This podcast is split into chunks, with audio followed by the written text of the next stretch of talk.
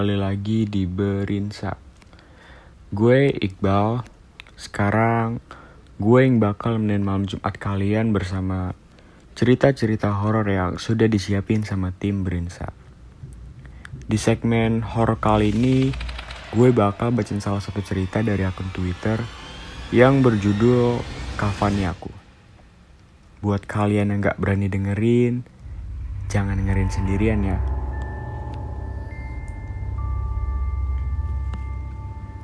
Kafani Aku Part 6 Jam 9 pagi, abangku membangunkanku untuk ikut datang membongkar makam sang dukun, bareng dengan warga lainnya. Ajakan itu langsung aku iakan untuk hadir ke makam bareng dengan abang dan yang lain. Rasa ketakutan itu dimunculkan oleh yang goib, agar mudah mempengaruhi diri kita yang tidak memiliki landasan iman dan keberanian.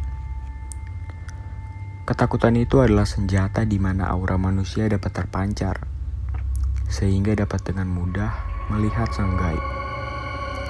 Akhirnya setelah disepakati oleh warga untuk melayakkan mayat Pak Jalu, warga bergerak menuju area pemakamannya.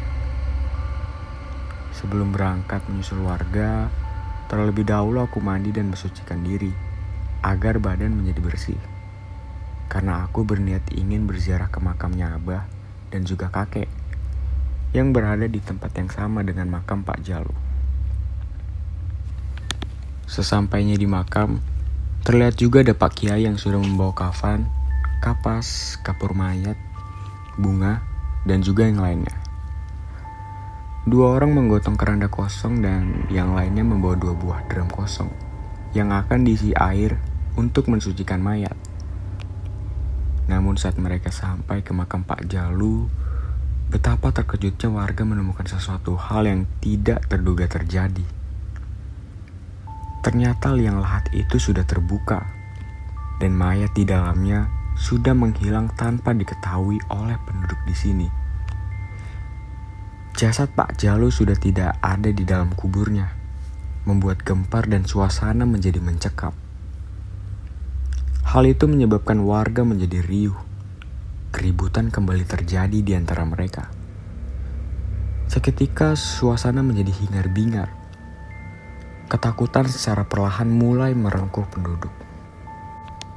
Semua membatin. Kok mayat Pak Jalu bisa hilang? Mereka yang mengubur mayat dukun itu pun saling menatap bingung dan juga ketakutan. Kayane Iki mau bengi wis dibongkar wong. Kayaknya ini tadi malam sudah dibongkar orang. Ucap salah satu orang di sana. Wah, ono maling mait po piye, Kang? Opo Jojo Pak Jalu rip meneh? Wah, ada pencuri mayat atau bagaimana, Kang? Apa jangan-jangan Pak Jalu hidup lagi? Orang lain juga saling kebingungan hingga memberikan asumsi masing-masing. Jajal digolai sekitaran kini. Sopo ngerti ono tipake. Coba cari di sekitar sini. Siapa tahu ada bekasnya. Suara Pak Lurah menyuruh beberapa pemuda di situ. Lalu mereka semua berpencar, mencari petunjuk di sekitar makam. Siapa tahu mayat itu memang dicuri orang atau hewan. Semua orang berusaha mencari dengan gamang tanpa kepastian. Dan setelah sekian lama mencari, mereka semakin gelisah karena pencarian mereka tak menampakkan hasil.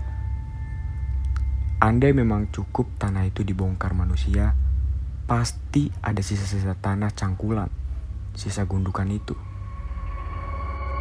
Tapi ini yang ada hanya liang tanpa ada kerukan tanah sama sekali. Hingga bisa disimpulkan ini bukan ulah manusia ataupun hewan. Setelah berjam-jam melakukan pencarian, ternyata tetap hasilnya nihil.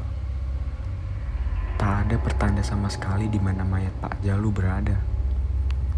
Akhirnya karena sudah kelelahan, jumlah warga berkurang satu persatu pulang ke rumah mereka masing-masing.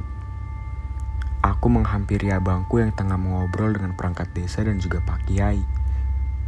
Mereka membahas hal ini dengan serius dan ingin membawa peristiwa hilangnya mayat Pak Jalu ke ranah hukum. Akan tetapi, untuk mengambil keputusan itu menjadi pertimbangan berat bagi kepala desa. Karena yang menghakimi sampai menghilangkan nyawa Pak Jalu adalah penduduk desa sini. Hal itu membuat masalah semakin pelik dan juga menimbulkan kebingungan. Ngeten mawon Pak Kiai kalian warga sekalian niki dipun rumbung wonten balai desa.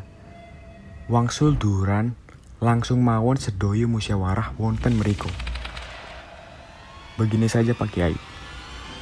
Dengan warga masyarakat semua, ini kita bahas di balai desa. Sepulangnya ibadah zuhur, langsung saja semua musyawarah di sana.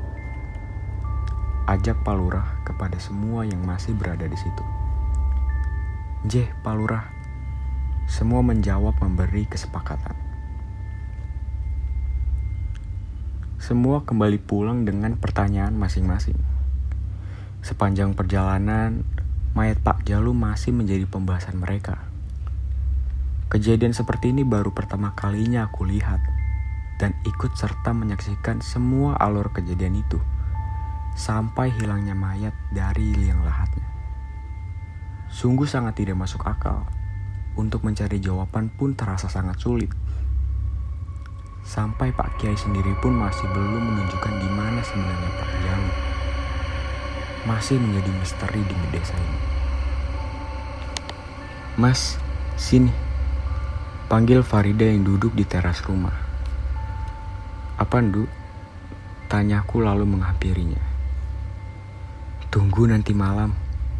Jika mendengar lolongan anjing hutan, Berarti itu Pak Dukun itu. Katanya memberitahuku. Kok bisa itu Pak Jalu? Anjing hutan masih banyak di sini, Nduk. Walau jarang terdengar sih kecuali pas malam tertentu. Jawabku. Iya, Mas. Tapi itu yang Ida lihat. Imbuhnya memberitahu. Saat kami asik membahas mayat Pak Jalu, Tiba-tiba Mas Pur datang berjalan dengan kepala menunduk. Berkali-kali menyibakkan rambut gondrongnya. Mengucapkan salam saat tiba di halaman rumah dan membuka keran air membasuh kakinya. Dia tidak langsung masuk, tapi malah ikut duduk bareng aku dan Farida. Meleset wes petunganku, kata Mas Pur.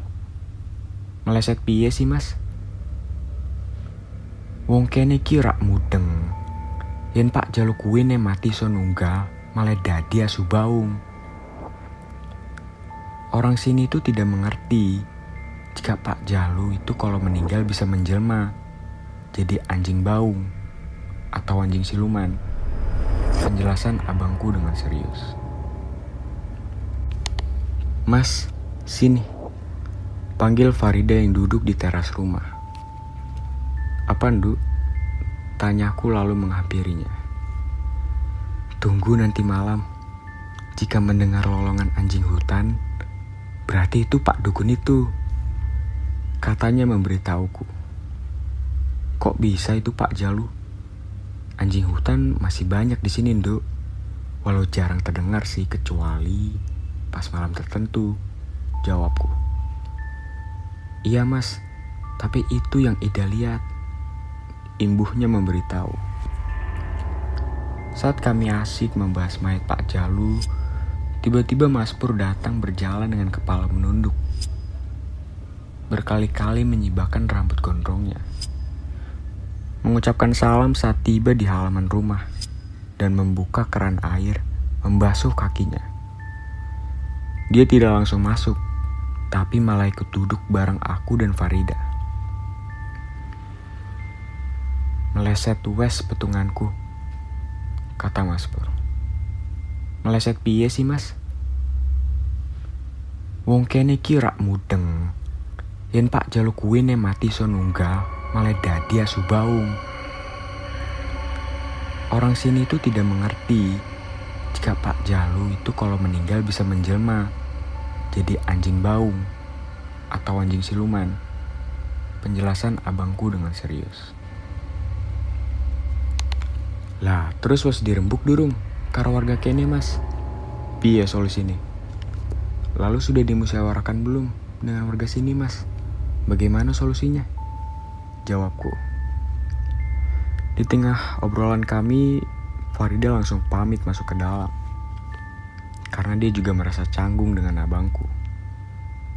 Namun, kedua tuturan antara abang dengan adik angkatku, kurasakan memang benar. Jika mayat itu sekarang tengah menjelma menjadi seekor anjing baung. Itu ilmu yang selama ini diamalkan oleh sang dukun. Sehingga dia menjadi sakti dan ingin menunggal. Yaitu setelah kematian menjadi siluman agar bisa abadi di alam fana ini. Meski tentunya dengan ada persyaratan yang lain yang tidak abang jelaskan.